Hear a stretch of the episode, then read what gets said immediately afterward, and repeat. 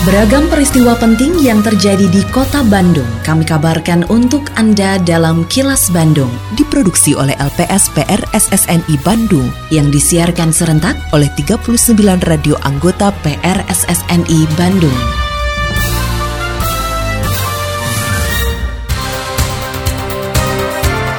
Sejumlah informasi aktual kami hadirkan untuk Anda dan inilah informasi utamanya. Pemberian sertifikat tanah dorong pemulihan ekonomi di masa pandemi. Kota Bandung menerima bantuan 21 ribu masker medis untuk sektor pendidikan. Paguyuban Pasundan bakal kawal kasus arteria. Saya Ita Ragna, inilah kilas Bandung selengkapnya. Sampai saat ini baru 134 bidang tanah yang tersampaikan kepada masyarakat sebagai bagian dari sertifikasi 713 bidang tanah di Kecamatan Sukasari yang akan dilakukan secara bertahap. Pemerintah Kota Bandung bersama Kantor Pertanahan Kota Bandung menyerahkan 713 bidang tanah di Kecamatan Sukasari secara bertahap. Pelaksana tugas Wali Kota Bandung Yana Mulyana mengatakan dengan diberikannya sertifikat tersebut sebagai kepastian hukum atas tanah yang ditempati masyarakat. Hal tersebut disampaikan Yana pada acara penyerahan sertifikat hasil pendaftaran tanah sistematis lengkap atau PTSL dari BPN Kota Bandung kepada warga Kecamatan Sukasari. Oleh karena itu, Yana mengapresiasi upaya kantor pertanahan yang membantu pemerintah kota Bandung untuk memberikan kepastian hukum terhadap tanah atau rumah yang selama ini ditempati oleh masyarakat. Selain itu, pemberian sertifikat juga sebagai ikhtiar pemerintah dalam upaya pemulihan ekonomi di masa pandemi COVID-19.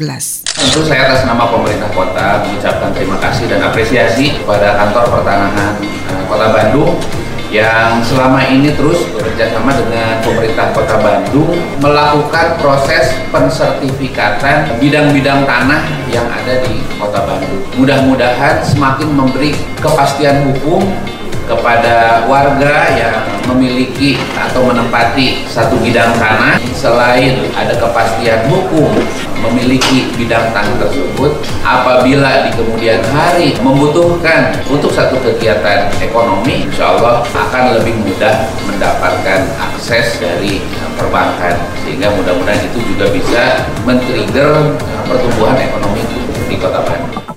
Pemerintah Kota Bandung mengapresiasi bantuan dari kalangan swasta berupa masker medis sebanyak 21 ribu lebih. Nantinya bantuan akan disalurkan untuk sektor pendidikan. Usai menerima bantuan, pelaksana tugas Wali Kota Bandung Yana Mulyana mengatakan saat ini situasi pandemi COVID-19 di Kota Bandung relatif terkendali berdasarkan indikator yang digunakan oleh Badan Kesehatan Dunia atau WHO. Yana berharap dengan berakhirnya pandemi COVID-19 ini, ekonomi kembali pulih sehingga masyarakat bisa kembali beraktivitas dengan lebih baik.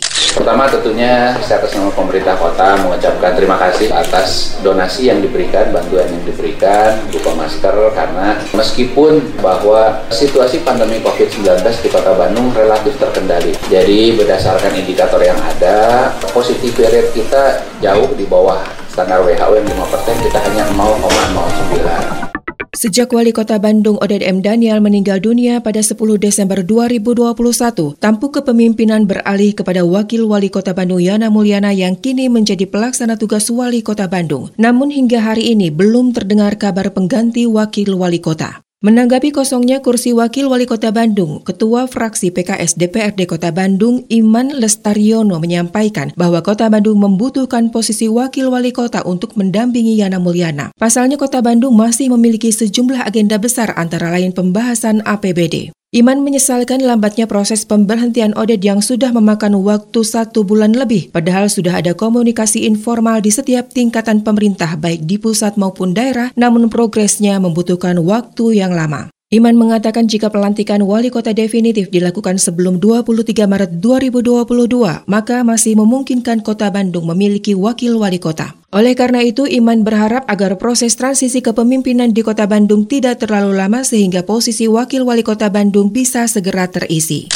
Pantau ternyata baru tanggal 6 Januari ditanda tangan dan nggak tahu dari tanggal 6 Januari itu dikirimkan ke Mendagrinya tanggal berapa ya yang jelas oh, yeah. hari ini itu juga juga belum masuk di Dirjen Otdanya di meja Dirjen Otdanya. Berarti yeah. kan masih masih infonya kan sudah masuk. Kalau masuk ya. berarti kan masih di kalau di kita mah mungkin masih di tata usaha umum ya. Jadi belum masuk ke meja disposisinya. Nah kalau dilihat uh, dari kota ke gubernur aja tiga minggu. Dari gubernur ke Mendagri juga udah hampir ya, sudah 18 harian. Berarti sudah hampir juga. Ini memang perjalanannya lumayan lama karena kalau untuk wakilnya kan argonya berjalan setelah definitif wali kota. Ya. Hai wargi Bandung, kamu tahu nggak kalau Bandung Smart City sekarang punya aplikasi Bandung Super Apps namanya Sadayana atau Semua Digital Layanan Kota. Nah, ada menu apa aja sih di Bandung Sadayana? Kamu bisa mendapatkan berbagai layanan publik, forum Smart City, marketplace, kalender event, CCTV publik, open data, informasi COVID-19, virtual event, info kegawat daruratan 112 bisa didapatkan di aplikasi ini. Wih, keren banget nggak sih? Setiap user akan tergabung menjadi bagian dari Bandung Smart City Forum dan dapat mengakses berbagai layanan publik dari pemerintahan Kota Bandung. Jadi, kuy, buruan download ya. Untuk informasi lebih lanjut, kamu bisa kunjungi website www.smartcity.bandung.go.id atau download aplikasi Bandung Smart City di Google Play dan WhatsApp Bandung Smart City di 0811 259 1810. Bener-bener deh Bandung Super Apps, satu platform untuk beragam kebutuhan. Pesan ini disampaikan oleh Diskominfo Kota Bandung. Kini, audio podcast siaran Kilas Bandung dan berbagai informasi menarik lainnya bisa Anda akses di laman kilasbandungnews.com.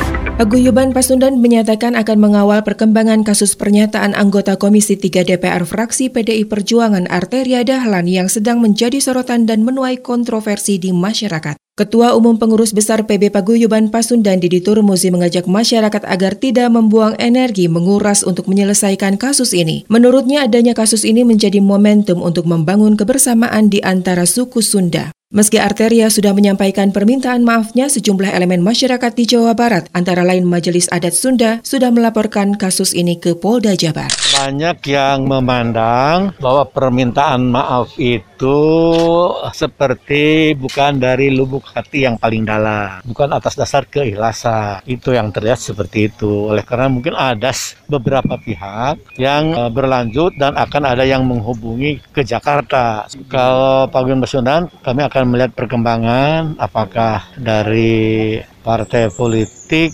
apakah sampai di situ ataukah ada langkah-langkah yang lain hanya saja tentunya ini energi kita ini jangan sampai terkuras masalah ini tapi yang paling penting adalah ini adalah momentum untuk membangun kebersamaan di antara suku-suku Sunda.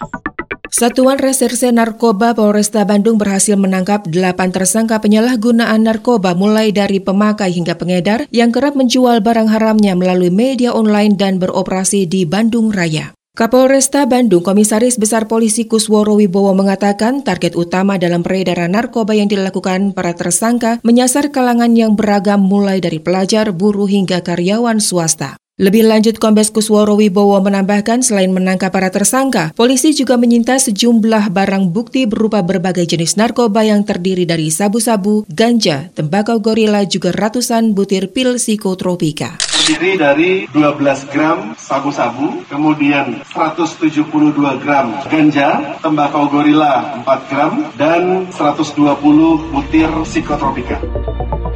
Tetap patuhi protokol kesehatan di masa adaptasi kebiasaan baru untuk memutus penyebaran COVID-19. Selalu memakai masker, mencuci tangan, menjaga jarak, dan menghindari kerumunan serta mengurangi mobilitas agar terhindar dari terpapar virus corona. Terima kasih Anda telah menyimak kilas Bandung yang diproduksi oleh LPSPR SSNI Bandung.